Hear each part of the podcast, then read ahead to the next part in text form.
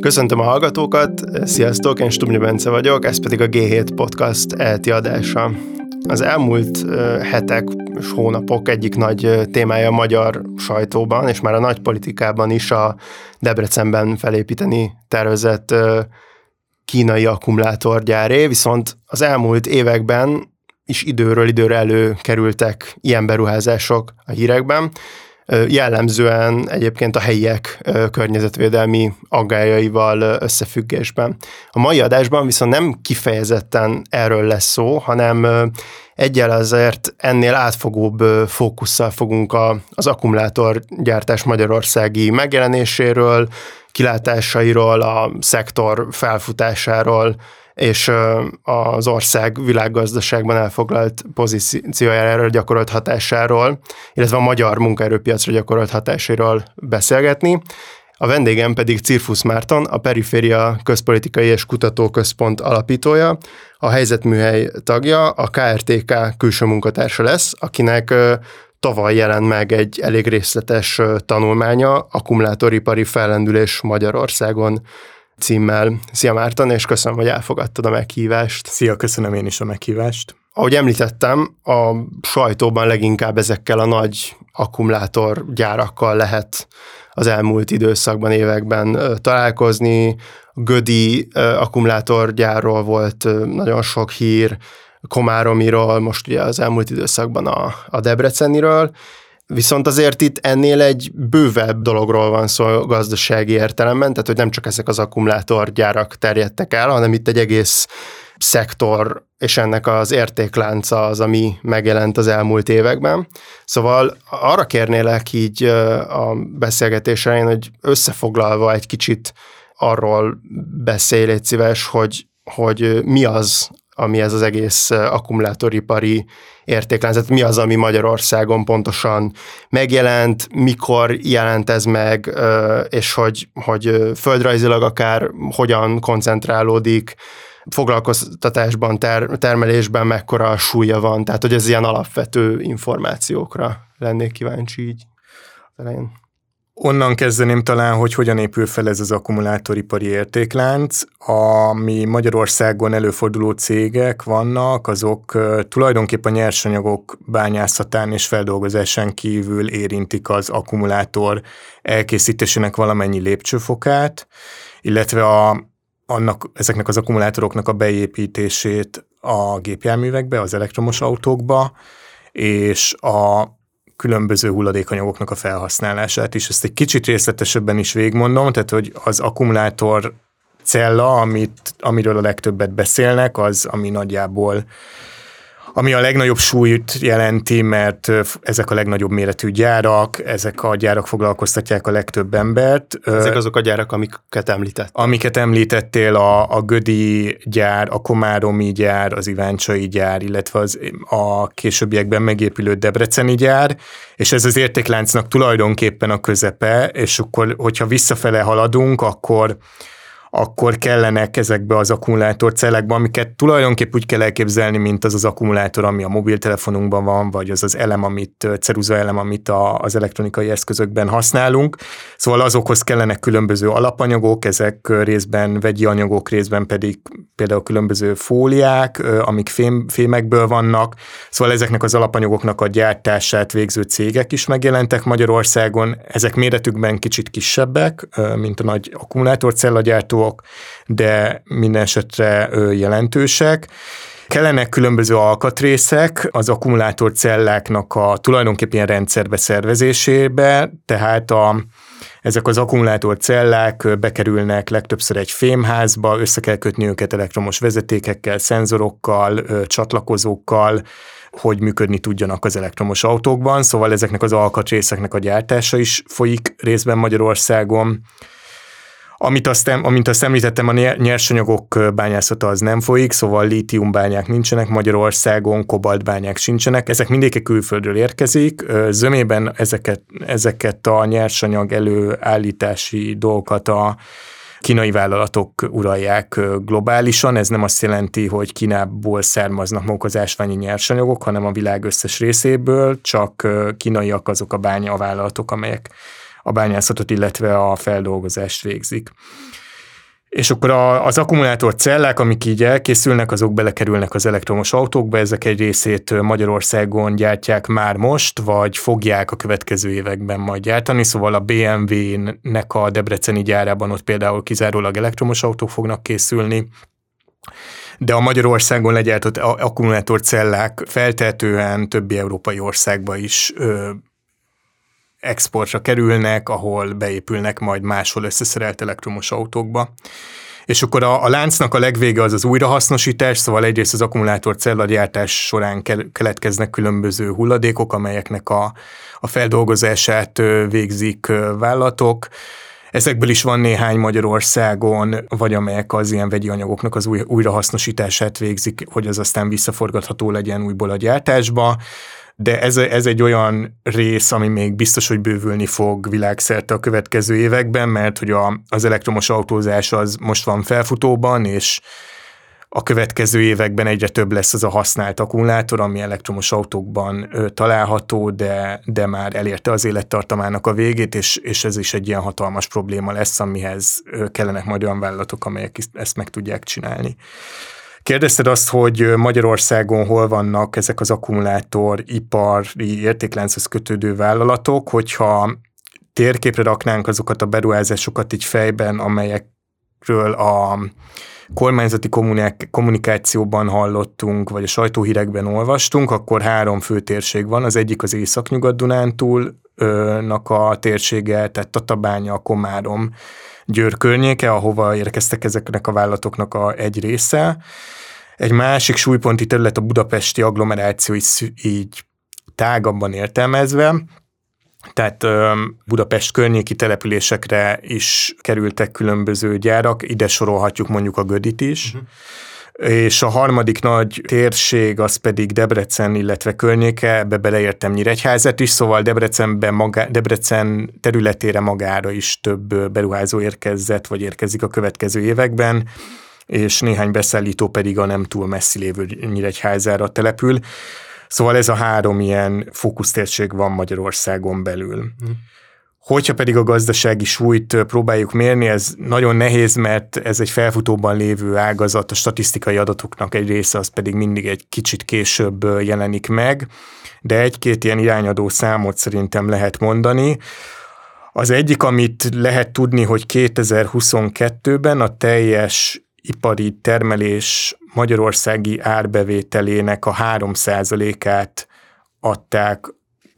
kizárólag a cellagyártó, az akkumulátor cellagyártó cégek, vagy az a szakágazat pontosabban, ebben nem csak a nagy akkumulátor cellagyártók vannak a Gödi, a Komáromi, hanem ebben nyilván vannak még korábban itt lévő kisebb cégek is, amelyek akkumulátorokat vagy elemeket gyártanak, vagy ez a vállalatnak a fő tevékenysége, de a meghatározó ebben egész biztos a, a Gödi és a, a Komáromi gyár, szóval az, hogy az iparon belül már most van egy 3%-os súlya csak ebben a csak ennek a szeletnek, az, az biztos egy ilyen nagy súlyt jelent. Hogyha meg a foglalkoztatottságot nézzük, akkor pedig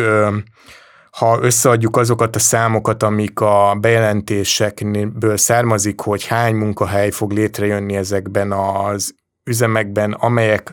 az akkumulátor előállításának valamennyi lépcsőfokát magukba foglalják, akkor azt, mond, azt mondhatjuk el, hogy 30 ezer fő fog 2025-ben dolgozni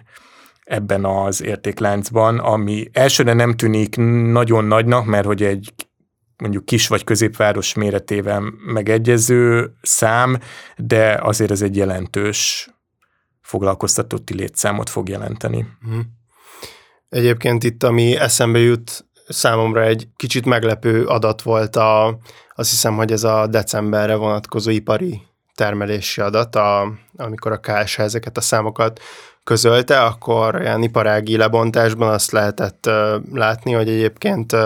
ami nagyon húzta az ipari termelést, az a vegyipar volt, és a, az elemzések fel is hívták erre a figyelmet, hogy itt már a, egyébként az akkumulátorgyártásnak a hatás az látszik, hogy az most már nagyon hasít, tehát hogy ez számomra egy kicsit meglepő volt, hogy már ilyen, ilyen módon meg is tud jelenni a, az ilyen nagyobb makroadatokban. Térjünk egy kicsit rá arra a, a témára, hogy hogy egyébként hogyan futott fel, ugye itt a, a tanulmányodnak is az a címe, hogy akkumulátoripari fellendülés Magyarországon. Itt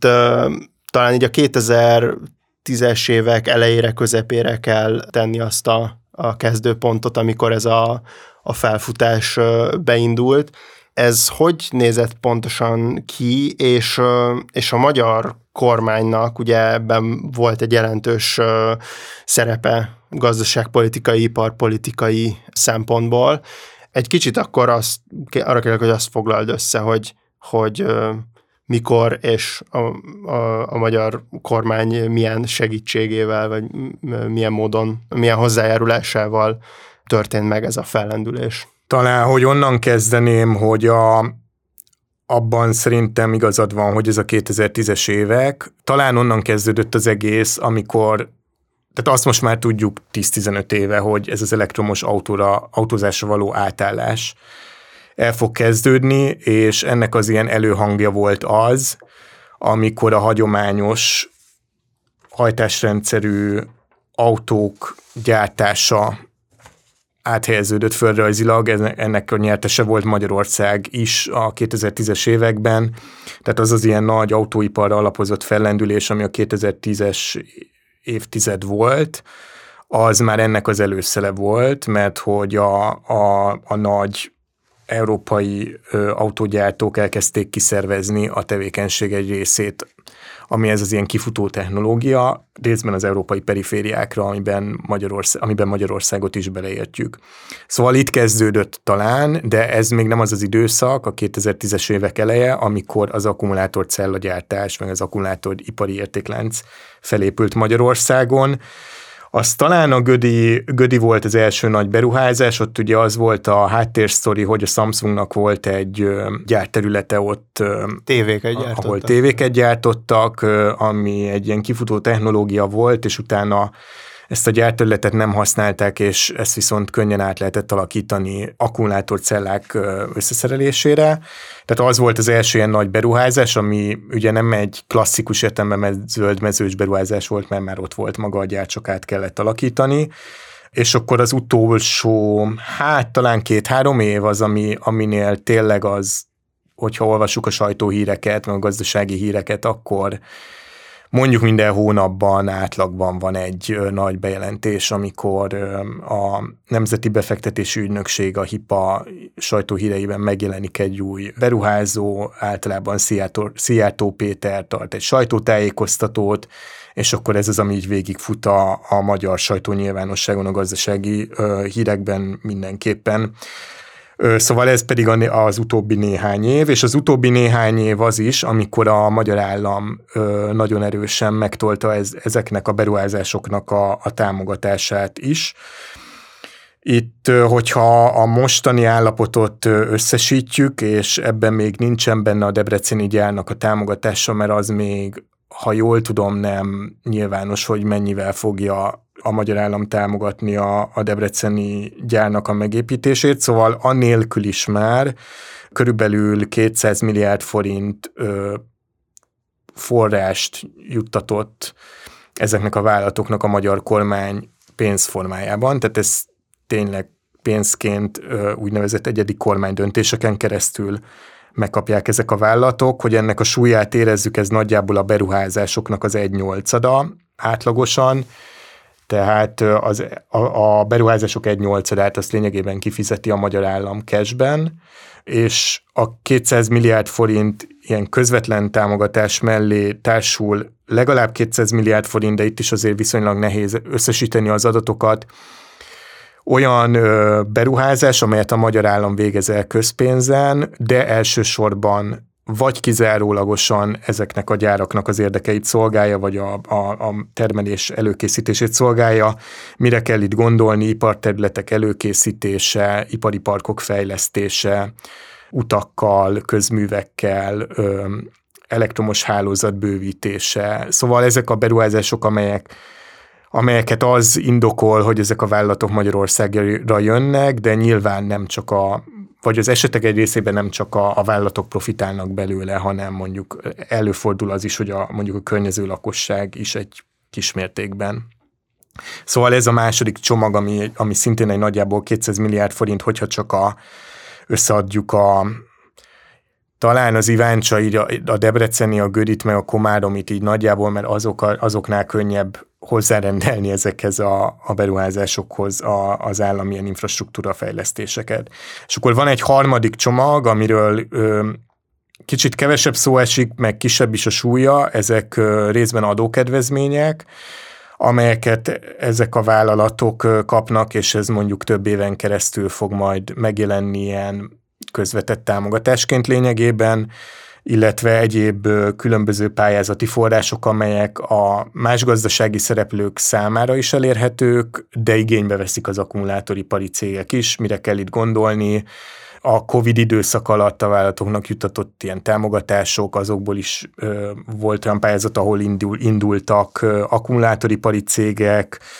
a gyármentő programnak nem láttam még most a, a számait, hogy van-e már eredményhirdetés, de mondjuk ott is ugye ugyanúgy indulhatnak ezek a vállalatok, mint, mint más Magyarországon ö, működő vállalatok.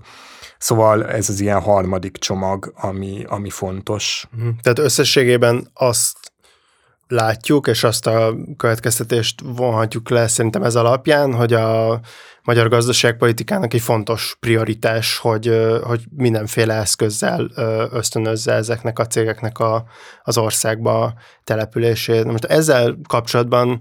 számomra egy elég érdekes vita, ami az elmúlt mondjuk hetekben kialakult a, mondjuk a magyar sajtóban különböző vélemények jelentek meg, ezek a vélemények egészen eltérőek voltak, vannak, akik ebben egy óriási potenciált látnak, és arról beszélnek, hogy hogy Magyarország gazdasági prosperitásához ez elengedhetetlen, hogy ez a sok állami támogatás belemenjen ebbe az iparágba, mások viszont azt a kritikát fogalmazzák meg, hogy, hogy itt igazából egy ilyen alacsony hozadott értékű tevékenységnek a támogatásáról van szó, ami bebetonozza Magyarországnak ezt a közepes fejlettségét, és hogy ezzel nem lehet felzárkózni a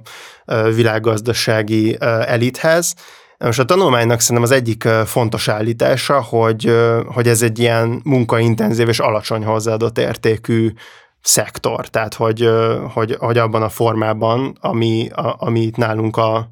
az értékláncon belül megjelenik, az egy ilyen, az inkább ez a közepes jövedelmi sztorihoz van közel, viszont nekem az nem teljesen egyértelmű, hogy itt egyébként arról van ez szó, hogy, hogy itt van egy, egy olyan átalakulás, amiben a, az autóipar, amire ugye erősen specializálódik Magyarország, az szükségszerűen elmegy ebbe az irányba, hogy, hogy az autóipar számára fontos az, hogy, hogy ezek az akkumulátorgyárak itt a közelben legyenek, és Magyarország ehhez csak alkalmazkodik, tehát hogy ilyen értelemben nincs nagyon ebbe a, a sztoriban mozgástere, vagy pedig arról van szó, hogy egyébként lehetne mozgástér, amiről itt egyébként szó is van, hogy a kutatásfejlesztés ide jön nem jön ide, és akkor az akkumulátoriparon belül is lehetne egy magasabb hozzáadott érték. Tehát, hogy te ezt hogy látod, hogyha így ebben a kettősségben gondolkozol erről? A nagyon, nagyon rövid válaszom az az, hogy nekem az az álláspontom, hogy, hogy Magyarország ide tud könnyen belépni, vagy ebben tud könnyen versenyelőnyben lenni, hogy az alacsony hozzáadott értékű, olcsó munkaerőre, meg olcsó erőforrásokra alapozott szegmensét rögzíti Magyarországon. Ez nem magyar sajátosság, szóval mondjuk Lengyelországban mennek hasonlóan akkumulátoripari szereplők, ott is nyilván hasonló megfontolásból. Egyszerűen az európai autógyártáshoz hogyha át akarunk állni az elektromos autózásra, akkor szükség van akkumulátorokra, ezeket valahol le kell gyártani. Az akkumulátor egy nagy súlyú valami, meg viszonylag nagy részarányt tesz ki a, az akkumulá- vagy az elektromos autó értékéből, tehát indokolt olyan helyre telepíteni az akkumulátorgyártást, ahol, ami közel van az összeszereléshez. Na most, hogyha Európában történik elektromos autók összeszerelése bárhol, akkor megéri ezt az akkumulátorgyártást olcsóbb gyártási helyszínekre telepíteni, lehetőleg az Európai Unión belül, mert akkor ugye a közös piacon ott vannak ezek a szereplők. Arról most az elmúlt egy-két hétben többet hallottunk, hogy akkor vajon kinek az érdeke ez, hogy ez így, így zajlik, hogy ez most a, a, mi, a, mi mondjuk a német autógyáraknak az érdeke, az, hogy az akkumulátorgyárak Magyarországon legyenek, vagy az, hogy Németországban legyenek, és akkor itt biztos az a helyzet, hogy a, a német autógyáraknak olcsóbb, hogyha Magyarországon gyártják le azt az akkumulátort, mint hogyha Németországban, és a német autógyárak érdekeltek abban, hogy legyen biztosított az akkumulátorok szállítása valamilyen formában, és ez lehetőleg mondjuk, hogyha az Európai Unión belül történik, az még jobb, mert mert akkor nem az Európai Unión kívülről kell exportálni ezeket az, a, ezeket a, az alkatrészeket. Szóval a rövid válasz az tényleg az, hogy Magyarország meg, meg a kelet-európai országok azok világgazdaságban elfoglalt szerepük miatt ide tudnak nagyon könnyen belépni. Erre erre épített lényegében az ilyen magyarországi iparpolitika is az elmúlt néhány évben. Az egy bonyolultabb kérdés szerintem, hogy lehet-e, lehet-e ebbe valahogy elmozdulni a, a magasabb hozzáadott értékű termelés felé. Ez lényegében ugyanaz a kérdés, ami 30 éve foglalkoztatja a magyar gazdaságpolitikát a rendszerváltás óta de már nyilván 19. században is hasonló kérdések merültek fel a, a magyar iparpolitikában, szóval, hogy nyilván az, az ennek a, az útja, hogyha valami magasabb hozzáadott értékű termel, vagy szegmense kerülne Magyarországra az elektromos autók összeszerelésének, vagy elkészítésének, az akkumulátor résznél ott azt látjuk, hogy mivel ezek kelet-ázsiai vállalatok, ami, amelyek a kutatásfejlesztési tevékenység nagy részét az anyaországban csinálják, ezért arra nem nagyon számíthatunk, és nem látok erre utaló jelet, hogy, hogy ebbe Magyarország ilyen kutatófejlesztő tevékenységgel jelentős mértékben be tudjon lépni. Az egy alternatíva lehetett volna, vagy lehet, hogyha Magyarország arra próbálna meg rácsatlakozni, arra az irányra, hogy hogy ezzel párhuzamosan ö, történik az a kezdeményezés, hogy az Európai Unió próbálja meg azt elősegíteni, hogy a, az akkumulátorgyártás az európai vállalatokkal ö, történjen meg középtávon, tehát hogy legyen meg európai vállalatoknál az a technológia, hogy ők elő tudnak állítani akkumulátorokat, ezek lehetnek vagy maguk az autógyártó cégek, vagy erre a ö, szakosodott ö, egyéb vállalatok, tehát ott, ott is persze nehéz lenne belépni kutatófejlesztő tevékenységgel, de ott mégis van egy ilyen földrajzi közelség, hogy akkor az Európai Unió közös ilyen politikájára lehet, lehet egy kicsit jobban rácsatlakozni. Szóval most van egy ilyen párhuzamosság per egymást kiegészítő jelleg, hogy hogy Magyarország azt az utat választotta, hogy, hogy ezeknek a kelet-ázsiai gyártóknak a, a magyarországi telephelyét segíti létrehozni, de ezzel párhuzamosan zajlik az a folyamat, hogy, ez, hogy képül egy európai vállalatokból egy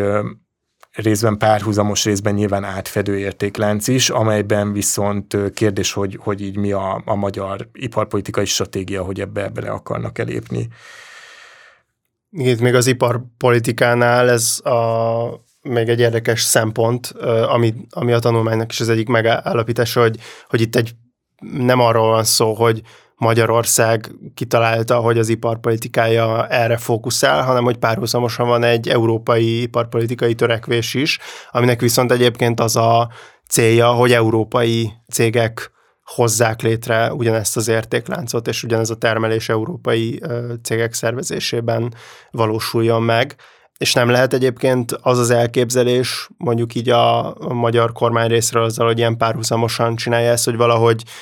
Ugye erről mostában sok szó volt, hogy, hogy akkor ez a két gazdasági blokk közötti verseny valamilyen módon való kihasználása. Tehát, hogy, hogy te hogy értékeled azt, hogy ez egy ilyen párhuzamos sztori, hogy, hogy van európai iparpolitika, és közben a magyar az gyakorlatilag ugyanaz, vagy kicsit így ugyanaz a cél, csak egy ilyen kelet-ázsiai szereplőkön keresztül. Amit én írt, leírtam a tanulmányból, azt a metaforát használtam, hogy ez egy ilyen híd szerep, ami híd szerep az egyébként már megvolt az autóiparban Magyarországot illetően korábban is, de hogy most ennek egy ilyen újabb fázisát látjuk, hogy Magyarország egy ilyen közvetítő szerepben van a az európai autógyárak, meg autógyártó vállalatok és a, a kelet-ázsiai akkumulátorgyártó vállalatok között, és akkor Magyarország az a pont, ahol ez a kettő így összeér megérintkezik, mert hogy a BMW itt fogja, gyárt, itt fogja összeszerelni az elektromos autókat, a CATL pedig itt fogja elkészíteni azokat az akkumulátorokat, amelyek aztán ezekbe a BMW autókba kerülnek. Szóval, hogy egy ilyen hit szerepben van Magyarország, aminél az meg most egy ilyen strukturális adottság, azt hiszem, hogy, hogy az akkumulátor szektorban ezek a szereplők, amelyek meghatározóak globálisan, azok most éppen kelet-ázsiaiak, szóval ez nem azért hívta be ezeket a vállalatokat Magyarország, mert hogy a keleti nyitást szorgalmazza, hanem ebben a szektorban a kelet, kelet-ázsiai vállalatok a dominánsak jelenleg, tehát hogyha valakiket be akarunk hívni, akkor azok ők lesznek. Uh-huh. Szóval szerintem ez, a, ez az ilyen ö, különbség. És akkor még egy dologról szerintem nem beszéltünk, ami meg szintén ez a kérdéskörhöz kapcsolódik, hogy van ez a, az elektromos autóból, mint termékből adódó sajátosság, meg annak az előállításának a mikéntjéből adódó sajátosság, hogy, hogy az elektromos autó elkészítéséhez kevesebb alkatrész, kevesebb szakmunka kell, mint a hagyományos hajtásrendszerű autókhoz. Tehát ugyan bizonyos összetevők ugyanazok a, az elektromos autóban, mint a benzines autókban, tehát ugyanúgy van karosszéria, meg ugyanúgy van ablaktörlő, de a hajtásrendszer maga sokkal-sokkal egyszerűbb. Maga a termék átalakul, ami oda vezet, hogy egy ilyen alacsonyabb, az alacsonyabb hozzáadott értékű rész a termék előállításában az nő, tehát, hogy automatikusan is történik egy ilyen lejjebb lépés, vagy hogy egy ilyen egyszerűbb, vagy alacsonyabb hozzáadott értékű tevékenység felé való elmozdulás, hogyha valaki nem a kutatásfejlesztés részét csinálja az autógyártásnak. Szóval ez meg egy ilyen ágazati, meg a termékből adódó sajátosság. Uh-huh. És akkor ami még itt a nagy ígéret volt, mondjuk, hogyha így visszakanyarodunk mondjuk az ilyen autóipari analógiához, hogy, hogy itt az volt az elképzelés, hogy majd Magyarországra jönnek a, a nagy autógyártók, és akkor a magyar KKV-k beszállítóként becsatlakoznak az értékláncba, és ott eltanulnak ezt-azt, és akár majd így létrejönnek magyar multik is ezen keresztül, hogy, hogy, hogy részt vesznek az értékláncba, fejjel lépnek, és kimennek az exportpiacokra, de hogy hát ugye erre nagyon példákat nem látunk, és hogyha jól értelmezem a, a, a tanulmányt, akkor egyébként, mint hogyha ebbe a magyar, ebbe az akkumulátor sztoriba a magyar beszállítóknak még ö, kevesebb szerepe lehet majd. Tehát, hogy potenciálisan egyszerűen nincs annyi kapcsolódási pont ebben az értékláncban. Ezt, ezt jól értem. Én erre utaló jeleket látok, hogyha csak ezeket a sajtóbejelentéseket ö, nézzük, akkor akkor most már tényleg összeáll a teljes értéklánc Magyarországon, am, amit csak lehet, azt most már elő tudják állítani Magyarországon működő vállalatok. Ez nem jelenti feltétlenül azt, ezt majd a jövőbe fogjuk látni, hogy ezek a cégek tényleg egymásnak fognak-e beszállítani, és csak és kizárólag egymásnak, szóval, hogy a, az az elektrolitot előállító üzem az majd tényleg csak a, a Magyarországon működő cellagyártókat fogja kiszolgálni, vagy nem. Szóval ezeket a beszállítói kapcsolatokat majd a következő években fogjuk látni, amikor ezek a gyárak felépülnek, de ahol már elindult a termelés, ott azért pusztán a,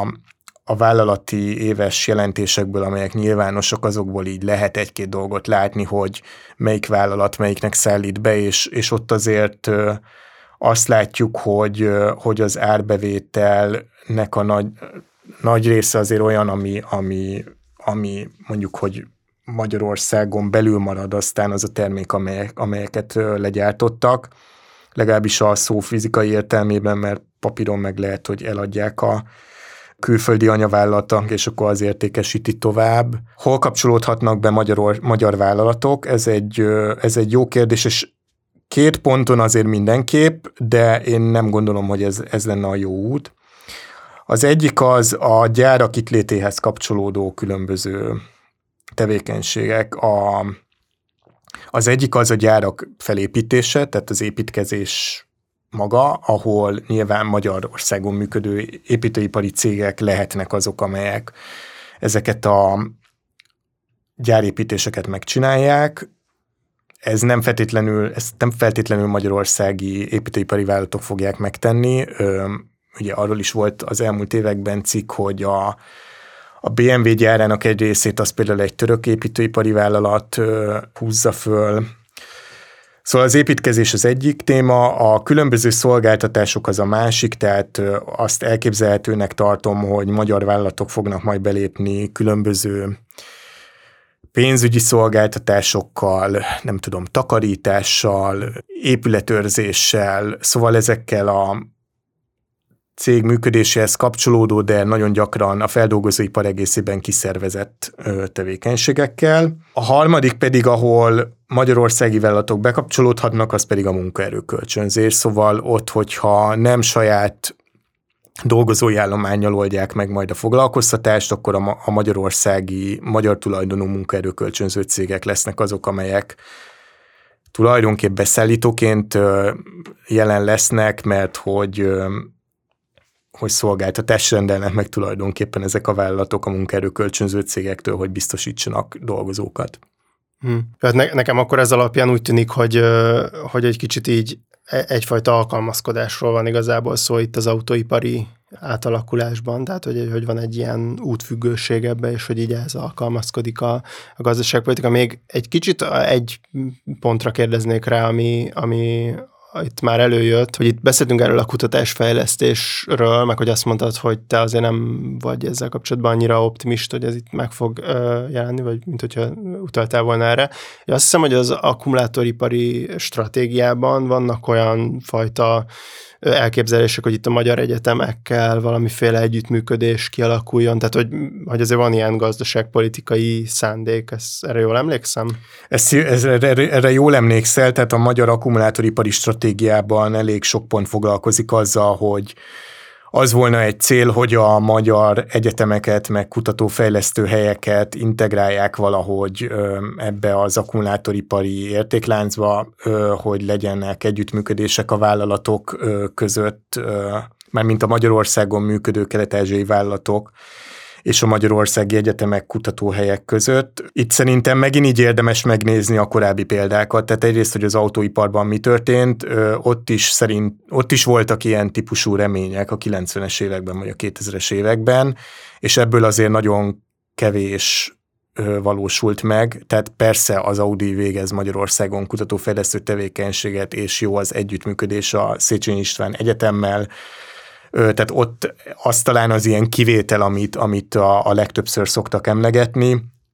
de a, ha megnézzük az akkumulátoripari vállalatokat, én tényleg végigböngésztem az összesnek a, a vállalati ö, éves jelentését, abban mindegyik bele van írva, hogy Magyarországon nem folytatnak kutatófejlesztő tevékenységet,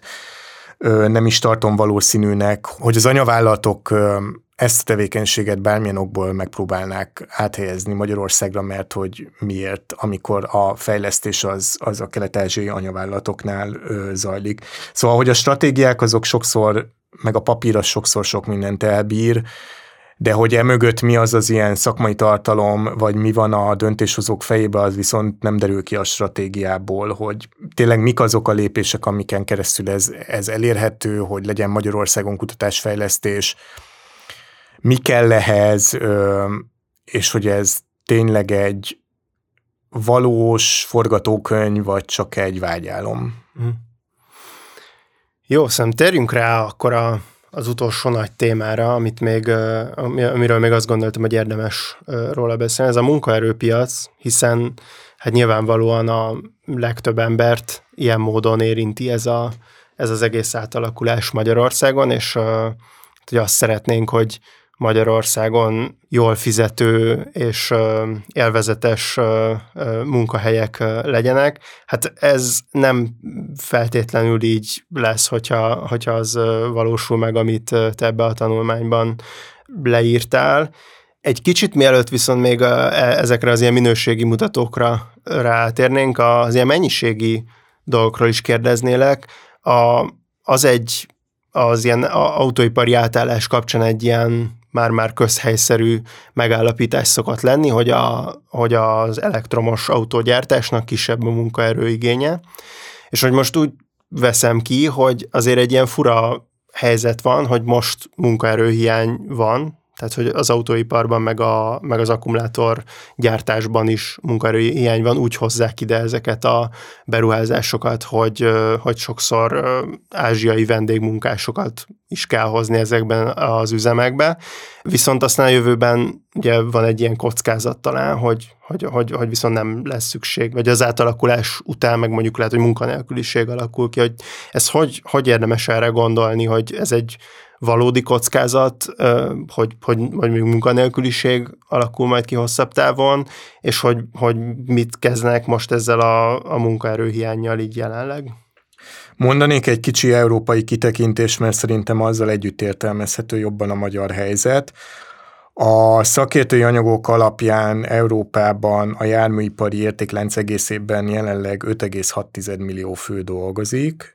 ami egy viszonylag nagy ö, szám, és nagyon széttartóak a becslések arra, hogy mi történik az elektromos autóra való átállásnál, ö, megmarad-e összességében a járműipari értékláncban ennyi munkahely, vagy ez kevesebb lesz. Vannak olyan szakértők, akik azt mondják, hogy a,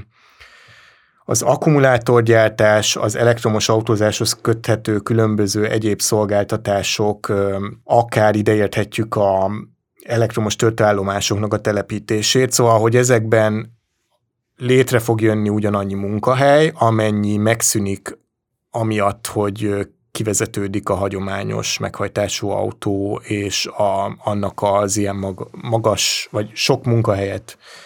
vagy megszűnik, megszűnik a, a hagyományos hajtásrendszerű autógyártás és az ahhoz kapcsolódó munkahelyek. Ami Kelet-Európának a sajátos helyzete, és akkor ez Magyarországra is igaz, hogy jelenleg itt az történik, hogy a hagyományos hajtásrendszerhez kötődő gyártás egy része Nyugat-Európából áttelepül Kelet-Európába, tehát Kelet-Európában van most egy ilyen felfutás, mert hogy a kifutó technológiáknak a, az ilyen gyártását áthelyezik részben az európai perifériákra ezek a, a vállalatok. Szóval itt most párhuzamosan az történik Magyarországon, hogy van egy növekedés és vagy stagnálás a hagyományos hajtásrendszerhez kötődő beszállítóknál, és emellett borzasztóan felfut az akkumulátor gyártás. És akkor arról is nagyon széttartóak a becslések, hogy hosszú távon mi várható, én különböző számokat olvastam, Magyarországról nem találtam ilyen becsléseket egy-két európai anyagban Csehországról vagy, vagy Lengyelországról írnak, ami ott is nagyon különböző volt, hogy mit mondanak a szakértők, hogy mondjuk 2030-ra vagy 2040-re mi várható, hogy összességében mi lesz ennek az egész átalakulásnak a szaldója, hogy megmarad-e ugyanannyi munkahely az autóiparban, vagy, vagy ez csökkenni fog. A növekedésről egyik szakértői anyag sem, sem ír. Még talán annyival ki lehet egészíteni, hogy az, az szerepel az európai akkumulátoripari stratégiában, hogy az akkumulátor értékláncban, vagyis az elektromos autókra való átállás miatt 800 ezer főt kellene átképezni 2025-ig, ez egy borzasztó nagy szám, a, ez a néhány évvel ezelőtti stratégiában szerepel. A magyar akkumulátoripari stratégia is arról ír, hogy 40 ezer főt kellene átképezni 2025-ig. Ez azért nagyon magas szám, és eléggé riasztó, abból a szempontból, hogy mind az európai stratégia mind azért a magyar stratégia azt megállapítja, hogy, hogy azért ez egy nehéz ügy, és nem biztos, hogy megvannak azok az ilyen átképzési kapacitások, amelyek ezt le tudják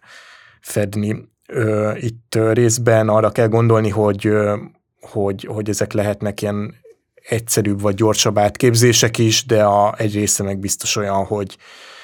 hogy egyszerűen az elektromos autó az egy más rendszer, amelynél az ilyen szak képzett dolgozókat a szakismeretekkel ki kell képezni, mert hogy ezek olyan új technológiák, amikhez kapcsolódó szakismeretekkel korábban nem rendelkezhettek a dolgozók. Itt az különösen az, a nehézség az elektromos autóba, hogy így három dolog metszetében helyezkedik el. Van egy része, ami Hát maga ilyen gép, szóval, hogy ez egy, ez egy autó, amiben ilyen mechanikusan működő ö, dolgok vannak, tehát kell érteni ehhez a részéhez. Egy része az elektronika, ugye az autóiparban volt már elektronika, meg vannak elektromos ö, alkatrészek a, az autókban, de hogy az elektromos hajtásrendszerrel ez, ez még nagyobb súlyú lesz, és akkor a harmadik dolog, ami az elektromos autógyártáshoz kell, és ez kifejezetten az akkumulátor részéhez, ott pedig vegyipari ismeretek, mert hogy ez ugye ott elektrokémiai folyamatokról beszélünk a, az akkumulátor feltöltése, meg kisütése során. Szóval, hogy erre kell majd így képíteni biztos új képzési rendszereket. Hmm. Akkor én úgy veszem ki ezek alapján, amiket elmondtál, hogy az ilyen mennyiségi szempontból azért még ilyen elég bizonytalan az, hogy, hogy mi várható, mert gondolom, hogy sok mindentől függ, illetve hát az is van, hogy hogyha mondjuk egy iparágnak csökken a munkaerőigény, akkor lehet, hogy egy másik iparágnak meg közben növekedni fog, tehát ezek nagyon nehezen felmérhető folyamatok azért ilyen szempontból, hogy most a munkaerőpiacon mi lesz. Viszont ami jobban felmérhető, és ezzel kapcsolatban a tanulmányból felírtam két viszonylag sarkosabb megállapítást, az a, az a minőségi szempont. Az egyik az, a, amit felírtam, hogy az elektromos autók gyártása az autógyártás foxkonizációjához vezet, a másik pedig az, hogy a tisztességes megélhetéshez szükséges bérek a gyártósor dolgozói számára csak rendkívüli munkavégzéssel, valamint pótlékokkal és bónuszokkal érhetőek el. Ez érdekes volt uh, számomra ez a két uh, idézet. Uh, mit, mit jelent az, hogy foxkonizáció, és hogy uh, mit kell pontosan az alatt érteni, hogy csak ilyen pótlékokkal, meg plusz pénzekkel érhető el a tisztességes megélhetéshez szükséges bérszint? Kezdem a foxkonizációval, ezt a fogalmat a, a kínai elektromos autózásra való átállásra használták, de ugyanígy igaz világszerte. Ez több dolgot ír le ez a fogalom egyszerre. Az egyik az az, hogy az autógyártás egyre inkább elkezd hasonlítani az elektronikai iparra, tehát hogy az autóipar elkezd hasonlítani az elektronikai iparra. A Foxconn az ugye egy elektronikai ipari bérgyártó vállalat, amely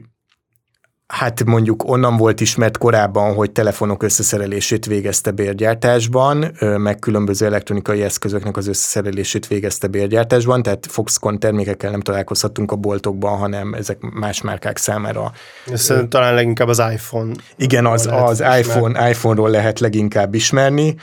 Na most a Foxconn maga is átalakította a vállalat tevékenységét részben, tehát most már van Foxconn elektromos autó, amely egy saját fejlesztés, tehát az történik egyrészt, hogy elektronikai ipari szereplők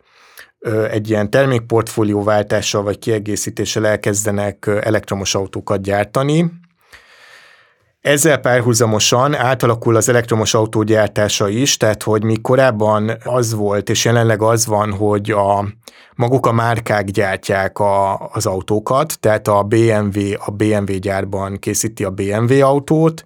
az elektromos autó annyiban más lesz, hogy ott könnyebben kiszervezhető ez a tevékenység bérgyártó cégeknek. Tehát, hogy vannak arra utaló jelek, hogy, hogy ez el fog terjedni az autógyártásba is. Tehát, hogy nem a BMW fogja legyártani a BMW autót, hanem ki lesz szervezve egy bérgyártó vállalatnak, az autónak az előállítása. Ez, a, ez az ilyen másik része ennek a foxkonizáció történetnek. A harmadik része pedig az, hogy a, az elektromos autó, mivel az egy ilyen az elektronikának a, a szerepe a sokkal nagyobb benne, ezzel párhuzamosan zajlik a, az önvezető autónak, meg az önvezető autókhoz kapcsolódó technológiáknak a kifejlesztése, hogy arra utaló jelek vannak, hogy az elektronikai ipari cégek vagy IT cégek fogják rendszerbe szervezni az elektromos autót. Tehát, hogy nem az történik, mint a hagyományos meghajtású autónál, ahol az a nagy autóipari cégek szervezték rendszerbe a magát az autót, meg hogy, hogy, hogy ott volt az az ilyen stratégiai szint, meg az a technológiai tudás, ami autóvá tette az autót, meg ami biztosította azt, hogy az autó autó legyen és guruljon. Van most az iparágban egy olyan átalakulás, ami szerint nem, a, nem ezek a nagy márkák fogják rendszerbe szervezni az elektromos autót, mint terméket, hanem akár ilyen IT cégek, mint a mint, mint mondjuk a Google, meg ez, ezekhez hasonló ö, vállalatok, mert ők fogják adni azt a szoftvert, ami, ami, ami, amivel aztán az elektromos autó, mint autó működni tud, és ehhez képest egy ilyen alárendeltebb helyzetben lesznek azok a vállalatok, amelyek, amelyek maguk összerakják a szónak az ilyen materiális értelmében az elektromos autót. Szóval ez az a foxconizációnak az ilyen termelés szervezési vagy iparági átalakítási, átalakulási része, és az, hogy, hogy egy ilyen bérgyártás irányába látszik elmozdulni a kínai elektromos autógyártásban mindenképp egy-két, egy-két üzem, meg egy-két vállalat, az a munka körülményekre is hatással van, szóval ezért is jó, hogy összekapcsoltad ezt a két szempontot a kérdésedben, mert hogy ha az autóipar elkezd hasonlítani az elektronikai iparra, az azt is jelenti, hogy az autóipari munkahelyek elkezdenek hasonlítani az elektronikai ipari munkahelyekre, és az elektronikai ipari munkahelyek az autóipari munkahelyekhez képest mindig, tehát a nagy kép az az, hogy kevesebb szakképzett dolgozót igényelnek, általában ö, rosszabb munkakörülményekkel jellemezhetők ezek a cégek, alacsonyabb ö, bérekkel, rugalmas tömegtermelés történik, ahol a, a munkavállalók egy része globálisan is nem feltétlenül helyi dolgozó, hanem migráns munkavállaló, értsd belső migrációt Kínában, de mondjuk határon áti, országhatárokon átívelő migrációt is jelenthet más országok esetében. Itt aztán itt a munkaerőkölcsönzés. És akkor nálunk a munkaerőkölcsönzés, ami itt is lehet az, hogy mondjuk a debreceni gyárba, nem tudom, békésből költözik át valaki, és munkaerőkölcsönzőkön keresztül dolgozik majd a gyárban, de jelenthet külföldi dolgozókat is. Szóval a munkaerőkölcsönzés egy része az, az külföldi munkavállalót jelent, de egy része viszont viszont hazait. Hogyha meg a béreket, meg a munkakörülményeket nézzük meg, akkor, és akkor rátérnék a kérdésednek a második felére, hogy hogy az elektronikai iparban is ezt látjuk, de az akkumulátoriparban is most látszanak erre utaló jelek, hogy, hogy tényleg a, a, a jó bérek azok csak akkor érhetők el, hogyha valaki nagyon sokat dolgozik, tehát most a hetekben pont láttam operátori álláshirdetést az egyik nagy cellagyártónál, ahol, ahol az volt az álláshirdetésben, hogy egy operátor havonta bruttó 600 ezeret vihet haza, ami így egy ilyen nagyon nagy számnak tűnik, hogy valójában ez egy betanított munka, de ez nyilván az elérhető maximum, ami akkor valósul meg, hogyha valaki végig dolgozza tényleg az, a teljes hónapot, túlórákat vállal, többletműszakokat vállal, és nem veszti el a, a bónuszait, meg a, meg a különböző egyéb juttatásait. Szóval a, a cellagyártóknál is ezt látjuk, meg a többi akkumulátoripari álláshirdetésben is ez látszik, ami egyébként elterjedt eléggé a magyarországi feldolgozóiparban, hogy a béreknek egy egy jó nagy része az különböző pótlékokból, meg bónuszokból áll össze, tehát az alapbér az viszonylag alacsony, Ezeknél az akkumulátorcellagyártóknál is azért azt mondhatjuk, hogy a, nyilván nem, bér, nem minimálbéren vannak foglalkoztatva a dolgozók már az alapbért tekintve sem, tehát az alapbér is magasabb, mint a minimálbér, de hogy a jó béreket akkor lehet elérni, hogyha, hogyha valaki sokat túlórázik. Itt ugye 12 órás műszakok is vannak, tehát mondjuk, hogyha egy olyan munkarend van, ami, aminél tényleg van olyan műszakbeosztás, ahol, ahol lehet sokat dolgozni, és akkor nyilván az ezzel társuló egészségügyi kockázatokkal lehet, lehet persze magasabb béreket elérni, de hogy ez nem, nem ez volna a, a jó foglalkoztatás politikai cél, hanem az volna a jó cél, hogy így az alapbérekből is meg lehessen élni, meg hogy legyenek tisztességesek az alapbérek is. És ami még egy ilyen nagy feszültséget jelent, és akkor erről is lehetett olvasni, de nem annyira sokat, mint amennyire fontos téma, hogy hogy egyszerűen a, a növekvő infláció miatt meg a, a növekvő lakhatási költségek miatt kifejezetten a gyártósori dolgozóknál azért a megélhetés egyre nehezebb lesz, lesz hogyha, hogyha nem emelkednek a bérek, mert egyszerűen, ahogy a legelején mondtam az adásnak, hogy hogy részben olyan térségekbe érkeznek ezek a vállalatok, amelyek amúgy is telítettek már munkaerőpiacilag, szóval, hogyha oda érkezik egy új dolgozó, amelynek valahogy lakást kell szereznie, bérelnie, vásárolnia, iszonyatos lakásárak, illetve nagyon magas bérleti díjak és és nagyon kicsi bérleti piac mellett, akkor, akkor egyszerűen az így a fizetésének egy ilyen jóval nagyobb részét fogja elvinni, az élelmiszerárak emelkedéséről nem kell beszélnünk, tehát ott is ez az nyilván a gyártósori dolgozókat jobban fogja érinteni, mert egyszerűen a fizetésük nagyobb részét költik élelmiszerre.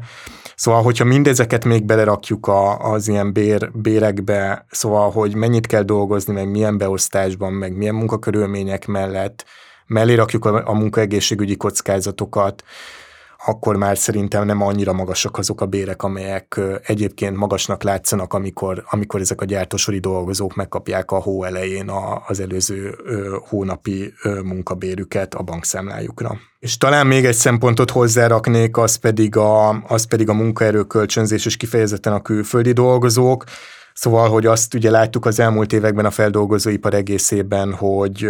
részben mondjuk Ukrajnából érkező kölcsönzött dolgozók jelentek meg, amelyek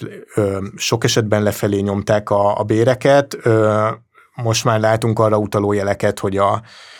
a Kelet-Ázsiából érkező kölcsönzött dolgozókkal lehet még tovább olcsósítani a, a magyarországi gyártást. Ugye az ukrán munkavállalóknak most aztán különösen sajátos a helyzetük, mert hogy a háború kitörése óta egyszerűen az Európai Unión belül sokkal könnyebben, könnyebben mozoghatnak és vállalhatnak munkát. Sokkal mobilisabbak lettek, mint a háború kitörése előtt az ilyen szabályozás megváltozása miatt és akkor őket valahogy pótolni kell, legalábbis itt Magyarországon, mert hogy, mert hogy mondjuk Magyarország már kevésbé attraktív egy ukrán állampolgárnak, aki, aki mondjuk elmenekült az Európai Unió területére, és akkor, hogyha külföldi dolgozókkal váltjuk ki ezeket a ezeket a mostani dolgozókat, akkor az megint nem egy ilyen előre, utaló, előre mutató út. Rendben van, hát szerintem nagyon sok aspektusát sikerült ki beszélni ennek az egyébként elég komplex, meg érdekes témának. Cirfusz Márton volt a G7 podcast teheti vendég, és köszönöm szépen neked ezt az érdekes beszélgetést. Köszönöm, sziasztok! A hallgatóknak köszönöm, hogy itt voltak velünk, iratkozzatok fel ránk ott, ahol a podcastokat hallgatjátok, iratkozzatok fel a hírlevelünkre, és hogyha tehetitek, akkor támogassatok minket úgy, mint hogyha előfizetnétek a lapra a g7.hu per támogatás oldalon. Ez a podcast a Partizán stúdiójában készült, hallgassátok a Partizán podcast csatorna adásait is. Én Stubnya Bence, a G7 újságírója vagyok, a G7 podcastot hallottátok.